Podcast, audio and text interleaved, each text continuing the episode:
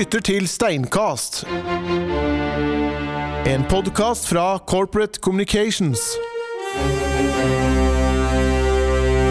Den nye sjefredaktøren i Aftenposten eh, heter Trine Eilertsen. Eh, Hun er blitt den nye tanta i Akersgata nå, for å låne Aftenpostens gamle økenavn. 11. januar ble Trine Eilertsen eh, portrettintervjuet av egen avis, og da uttalte hennes underordnede seg om sin nye sjef til artikkelforfatteren per e-post, selv om de alle sitter under samme tak. Velkommen til Steinkast, eh, Trine Eilertsen. Tusen takk. Er du en tante Sofie på redaktørkraken? Du, jeg, var, jeg jobbet tanta i Bergen. Jeg vet du, Tanta i Nygårdsgaten, Bergens Tidende, og nå jobber jeg i Akersgaten. Så det, det, vet du hva, jeg føler meg hjemme i den tanterollen, jeg. Litt oppkjeftig. Ja da. Må, må si fra når det er noe, og ellers eh, bare stå, stå støtt på begge beina. For meg er du jo bergenser, men per definisjon så er du jo øh, på en måte klassisk stril, for du vokste opp på fjellet i Øygarden vest for Bergen, med storhavet rett i gapet øh, når du åpner munnen der vestpå. Uh, var det derfor du ble så oppkjeftig?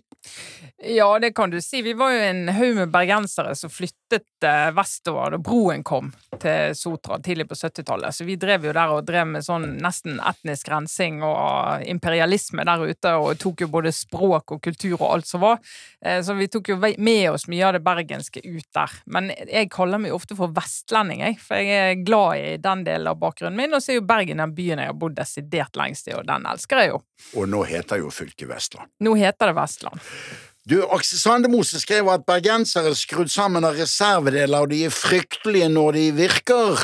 Eh, Er det slik med deg også? Ja, reservedeler kan du si. Jeg er halvt finnmarking, da. Så det er jo mye, mange forskjellige deler her, altså. Det er en litt sånn kombinasjon av det meste. Nordlendinger og vestlendinger de går veldig godt sammen. Det er en god symbiose. Det er det. Du, da du var sjefredaktør i Bergens Tidende, så het direktøren Didrik Munch. Hva var det dere to kranglet sånn om? Du, jeg hadde skrevet en kommentar om en eh, herremiddag som eh, ble avholdt der i byen eh, hvert år, så det åpenbart bare var for menn. Eh, Og så hadde jeg skrevet at dette syntes jeg var veldig gammeldags, måtte vi slutte med. Og så hadde jeg også skrevet at jeg håpet at flyet fra Bergen til Oslo med Bergens Tidende den dagen når det sto om denne middagen, ikke kom frem på grunn av tåke. For da slapp jeg at folk i Oslo leste hvor pinlige ting vi drev med i Bergen. Og så traff jeg Didrik Munch eh, på desken, faktisk, eh, mandagen etter, og han var rasende. Men det gikk ikke an å sitte i avisen og håpe at avisen ikke gikk frem. Og så var jo mange av disse her var jo hans venner, så de var jo litt opprørt, de òg. Og han fikk jo høre det når vi hadde skrevet eh, stygt om hans venner, eh, så han var nok opprørt av flere grunner. Så vi hadde en veldig fin, vil jeg si, høylytt ordutveksling på desken, så det var veldig fin underholdning for de på desken. Og de fikk høre mye om uh, rockemusikkspesialisten og finansmannen Torstein Selvik, vil jeg tro. Ja, det fikk de òg, som uh, da var arrangør. Og ja, jeg må jo si, jeg og Didrik er jo veldig gode venner nå. Og jeg og Torstein Selvik ble jo også gode venner etter det. Så det er jo litt sånn det er i Bergen. sant? Du har jo noen trefninger, og så møtes du. Og er venner og vel forlikte. Ditt felttog mot disse anakronistiske herremiddagene i Bergen, eh, var det litt av bakgrunnen for at eh, Aftenposten startet mandagen denne uken med å kalle Det norske selskap for idioti? Ja, det var eh, kommentator eh, Halvor Hegtun som skrev om det, så det er klart at en del av disse anakronismene de overlever seg sjøl, og da går de ofte i oppløsning på en sånn ikke særlig fin måte. For ti år siden ble du for det første kåret til årets medieleder. Eh, Du var sjefredaktør i Vestlandets store eh, avis, Bergens Tidende, og der var det tøffe nedbemanninger. Hvordan var det å måtte sende hederskronte kollegaer ut av redaksjonen? Det er det verste du kan gjøre, både som redaktør og som leder. Eh, Det er folk som har brukt noen av de halve livet sitt, og vel så det, i avisen, har gjort en kjempeinnsats, og så kommer du, og så må du være den som gir den beskjeden. Og da tenker jeg på to ting. Det ene er at jeg må være veldig ryddig, så ingen er i tvil om hva jeg mener, og hvor jeg står, og lurer på om hvor retningen er. Eh, Og det andre er jo at eh, jeg må, jeg må huske på at det er ikke jeg som har det verst i de situasjonene. Selv om jeg kan grue meg, og selv om jeg kan synes det er vanskelig, så må jeg alltid huske at det er ikke jeg som har det verst, det er de jeg snakker med som har det aller verst. Og du må liksom, man må stå jamføre. Sånn at jeg kan ikke klage på at jeg må stå i det, det er mange andre som har opplevd det mye verre enn meg. Uh, du var politisk redaktør da nedbemanningen kom i Aftenposten. Det var kanskje heller ikke så hyggelig? Nei, det var det ikke. Vi brukte jo styrte sluttpakker, som det heter, for første gang, hvor du plukker ut folk som du tilbyr sluttpakker, og det er ganske nytt i vår bransje, og det er veldig kontroversielt, og det er det gode grunner til. Uh, skaper mye utrygghet, misstemning. Eh, og gjør det forholdet mellom ansatte og ledelse veldig vanskelig i lang tid, så det har en veldig høy pris på mange nivå. Så det er jo noe jeg virkelig håper vi unngår igjen. Ikke minst gikk Norges beste politiske, økonomiske journalist Olav Storeng av. Han gikk av, men han ble 67 år, så han, var, han ville gå av. Trine, det er jo ingenting, jeg er 69. du er 69. Olav han har fått seg et godt liv som reisende i økonomisk historie etterpå. Ja, det har jeg jo. Mm. Alf Nordhus, vårt bysbarn, sa i sin tid at bergensere som vil frem i verden, må flytte til Oslo, for i Bergen forblir de hele tiden blant likemenn. Var det derfor du kom til Oslo i 2012? Ja, det, det hadde vært vittig hvis det var sånn jeg tenkte. Ja, nei, altså, det var rett og slett eh, mann og barn. Mannen som hadde jobb her, og barn eh, som var på vei og var kommet og sånn. Så vi måtte jo da Vi flyttet jo sammen tre uker før termin, jeg og han, så vi hadde jo bodd i hver vår by. Men så tenkte jeg når nå dette barnet kommer, så må vi i hvert fall prøve å bo i samme by, og da ble det denne byen her. Men eh, jeg må jo si det er vittig å ha to gutter som er Jeg har jo ikke klart det som du har klart, eh, Hans Wilhelm, men jeg har to gutter som er født, og, født på, i Oslo, på Ullevål sykehus, og kav østlendinger. Så du har ikke lært i bergensk? Jeg har ikke hatt, tror jeg, den myndigheten som jeg tror du har når du eh, lærer dine unger å snakke. Det, det, er bare spørsmål om å kunne blackmailing, for jeg sa til alle mine fire unger ja, at én rulle så får dere ikke mat på 14 dager. Alle snakker bergensk. ja, sant. Ja da. Uh, du ble journalist, uh, uh, men før du var det, så hadde du Norges mest siterte professor som din lærer. Så hvordan var det å ha Frank Aarebrot som lærer i sammenlignende politikk? Du, jeg var en av mange som hadde han som grunnfagsforeleser i såkalte G2-kurset, grunnfag 2, der han dro egentlig gjennom europeisk demokratihistorie. Han gjorde det på en måte som gjorde at over halve grunnfaget gikk videre til mellomfag. Han var enormt inspirerende og motiverende, veldig interessert i å snakke med studentene, og fikk oss til å føle oss viktige og interessante. Ikke alltid med like godt grunnlag. Eh, og, og var en som jeg holdt kontakt med i mange år etterpå, helt til han døde, egentlig, og, og, hadde gode diskusjoner med, og var enig og uenig med, men han var, en, han var inspirerende. Var det fortellerevnen hans du tok, deg, eh, tok, med deg videre? Du har jo en god penn sjøl. Jo, tusen takk for det. Han, han var jo en uh, fantastisk forteller, Frank. Han hadde jo eh, en eh, forelesning hvert år eh, hvor han brukte to ganger 45 minutter på å gå gjennom 300 år med europeisk historie. Da strømmet jo folk til fra andre fakulteter, for det ryktet gikk, for denne var så fantastisk. Hvor han bare travet frem og tilbake foran kateteret og, og, dro gjennom historien sånn som bare han kunne, og det er klart det er inspirerende. Tenker, da tenkte jeg i hvert fall det, at du kan snakke om hva som helst og gjøre det interessant hvis du gjør det på rette måten. Eh, samtidig som du studerte sammenlignende politikk som en del av statsvitenskapen, så gikk du på Kremmerhuset i Helleveien i Bergen, eller Norges handelshøyskole. Fikk du litt blårussmentalitet der ute? ja, det var, var, vel din onkel Arild Haaland som sidestilte det med svartedauden når han skulle gå gjennom eh, de verste tingene som har skjedd med, med Bergen. Nå var handelshøyskole en av de han løftet frem. Nei, altså det er klart, jeg fikk jo en økonomisk forståelse. Det, det var nok ikke det, i de fagene mitt hjerte lå, men det er klart denne forståelsen for samfunnsøkonomi og store sammenhenger har jo jeg tatt med meg og har jo hatt stor glede av. og helt sikkert litt blårussmentalitet òg, og det er ikke jeg flau av.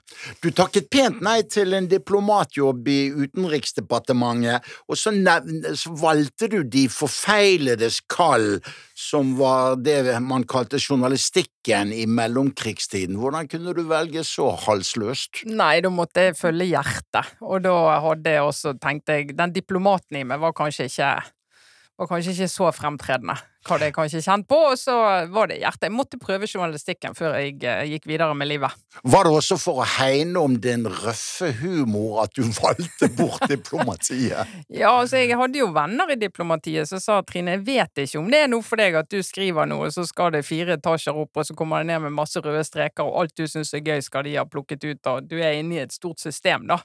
Eh, Så det var flere av de jeg kjente, og som kjente meg, som mente at jeg kanskje ikke ville være der jeg trivdes best og fikk blomstret mest, så jeg trivdes jo tilsvarende veldig godt i pressen, og gjør jo det ennå. Eh, humor er jo livsfarlig i spaltene, særlig på Østlandet, for å si det sånn, uh, har du nylig sagt i din egen avis. Ja, jeg sa det. Jeg sa det, og det er fordi jeg opplever, og det er nesten blitt litt verre med årene, syns jeg, at du, hvis du prøver deg på litt humor, særlig skriftlig, så noen vil lese det vrangt, Uh, sånn at du kan ikke prøve det på ironi eller overdrivelser, for da skal de ta det bokstavelig, og så får du en stor debatt om det som egentlig ikke var poenget. Og så er det en del som bare ikke forstår ach den typen humor, så i hvert fall jeg er vant til det, og det er klart, det mener jeg må kunne slå fast at vi har en litt røffere og mer direkte humor på Vestlandet enn på Østlandet. Så såpass får østlendingene tåle. Ja, det må de tåle. Og hvis de blir krenket av det òg, så får de bare ringe.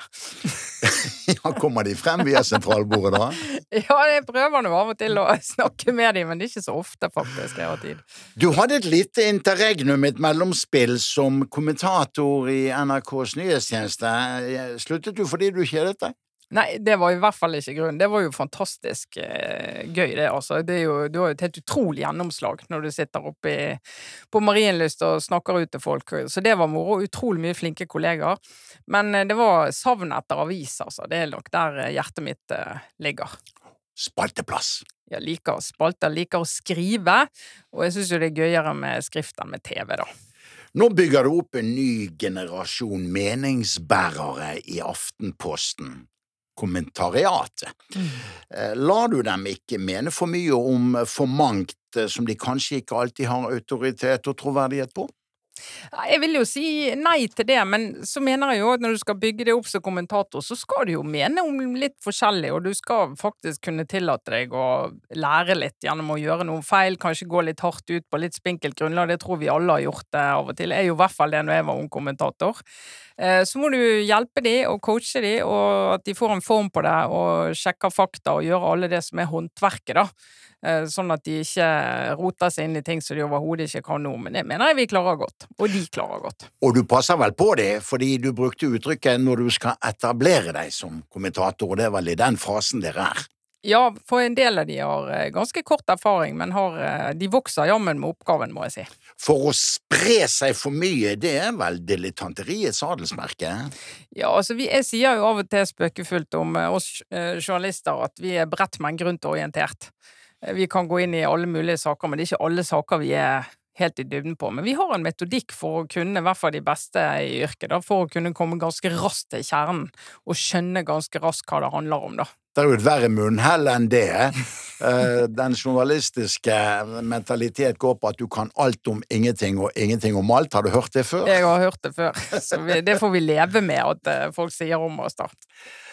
Jeg har jo abonnert 40 år på Aftenposten. Eh, Er det en fare for at særinteresser som sykkelstoff og arkitektur får vel mange oppslag i avisen din?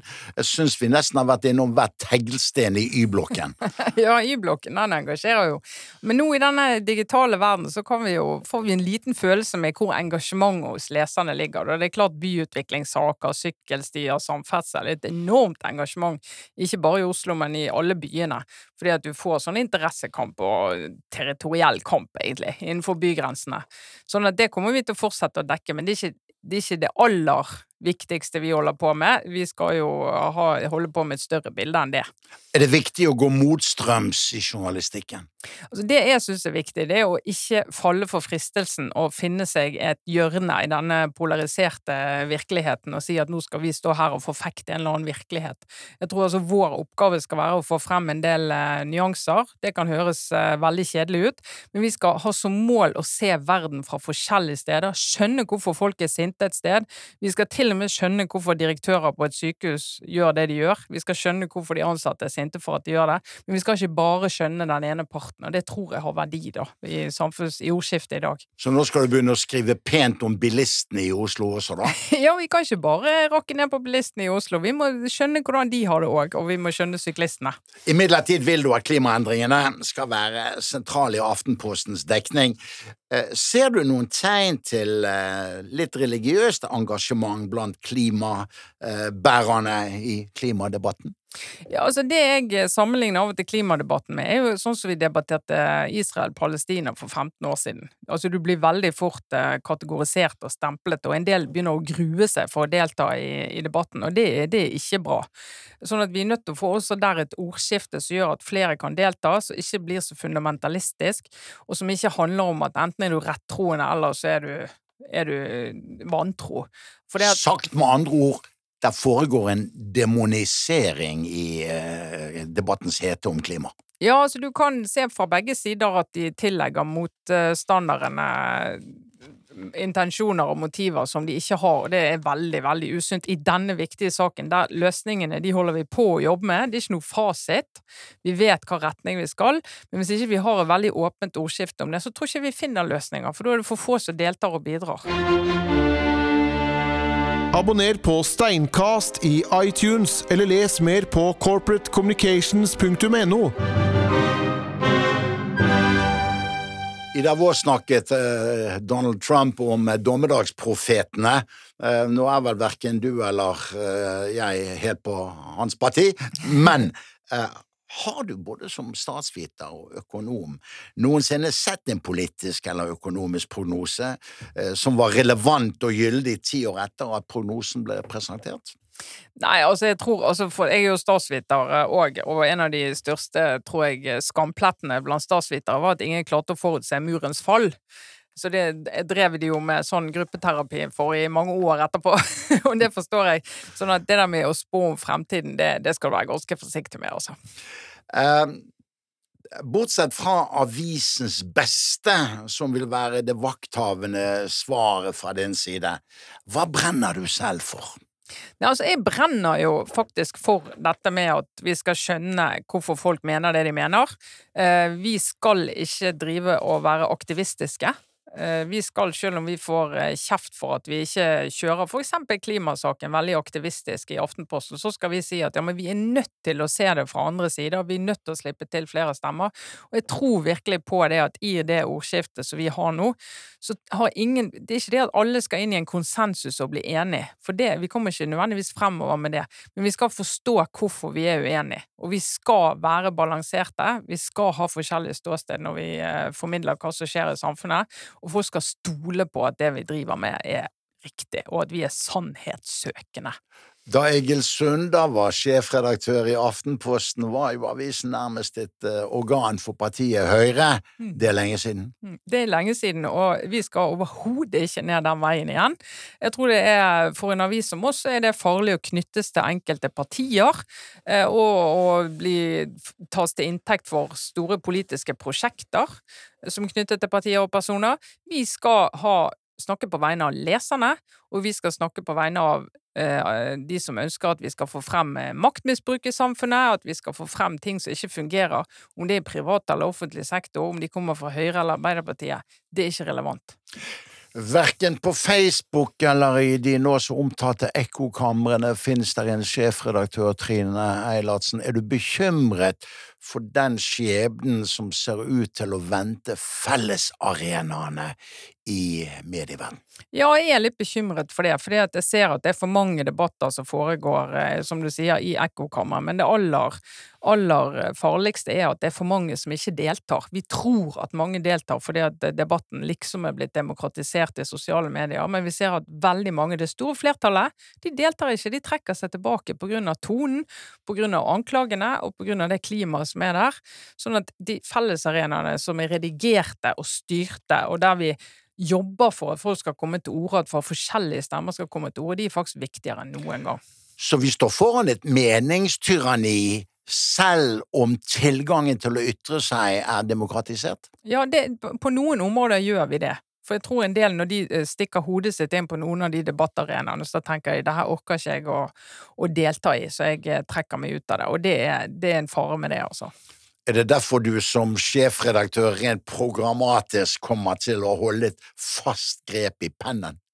Ja, jeg skal eh, prøve å skrive litt innimellom. Det skal jeg gjøre. Det blir litt mindre enn før, men jeg har ikke tenkt å slutte å skrive. Og det er jo fordi det blir så rusten. Så når jeg da skal en gang tilbake igjen til journalistikken, så eh, man kan jeg ikke ha mistet helt grep om håndverket. Så du vil ikke bli en sjefredaktør som bare skrider gjennom korridorene? Nei, nå, eh, det er veldig deilig å skride gjennom korridorene, særlig nå når jeg har sånn omtrent sånn hvetebrødsdager på jobben, helt ny. Men jeg vet at dette kommer til å endre seg. Det blir mye hardt arbeid. og jeg også må gå litt inn i sakene, sånn, for journalistikken og kvaliteten på den er jo viktigere enn noen gang før.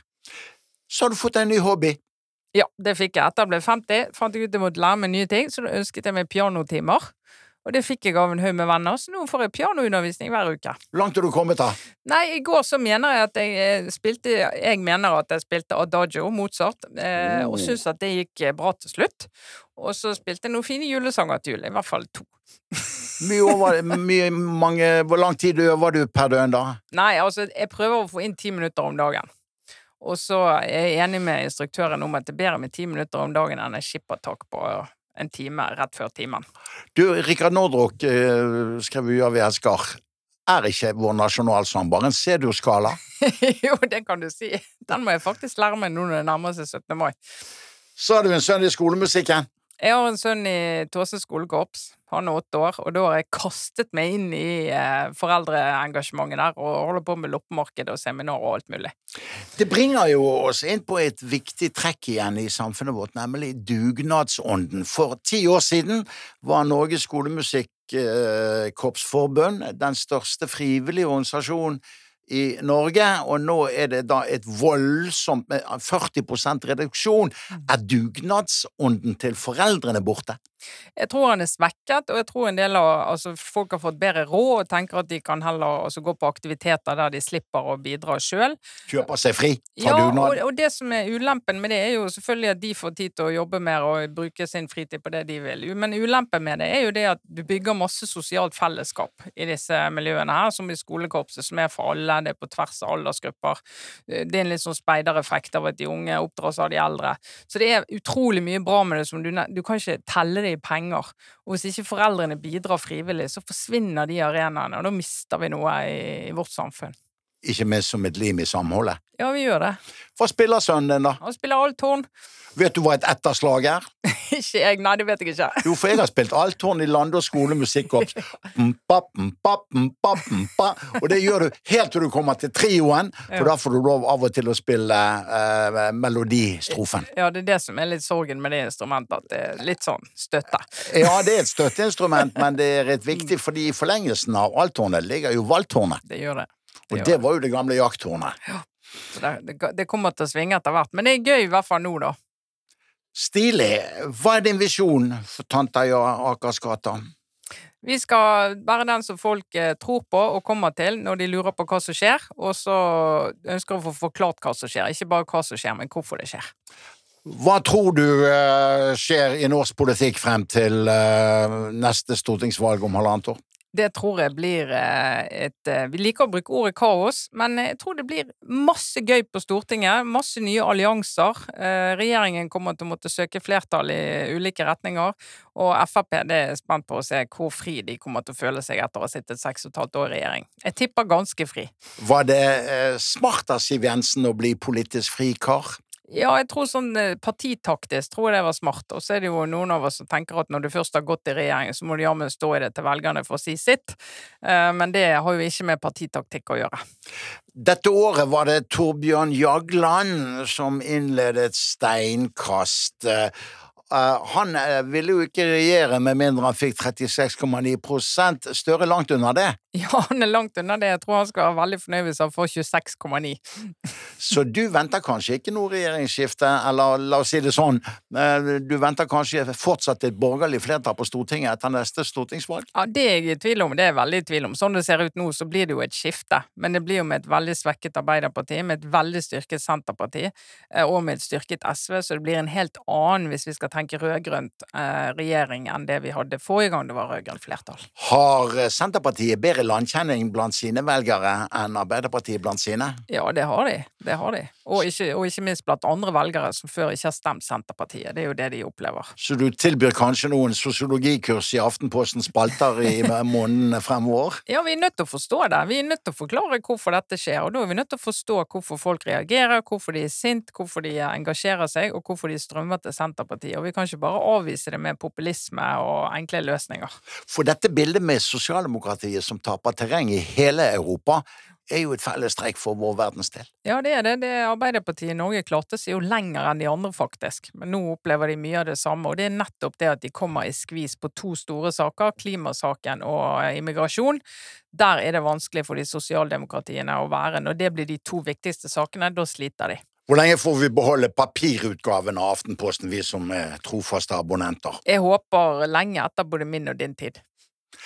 Trine Eilertsen, sjefredaktør i Aftenposten, takk for at du gjestet Steinkast denne uken. Bare hyggelig. Du hørte på Steinkast. En podkast fra Corporate Communications.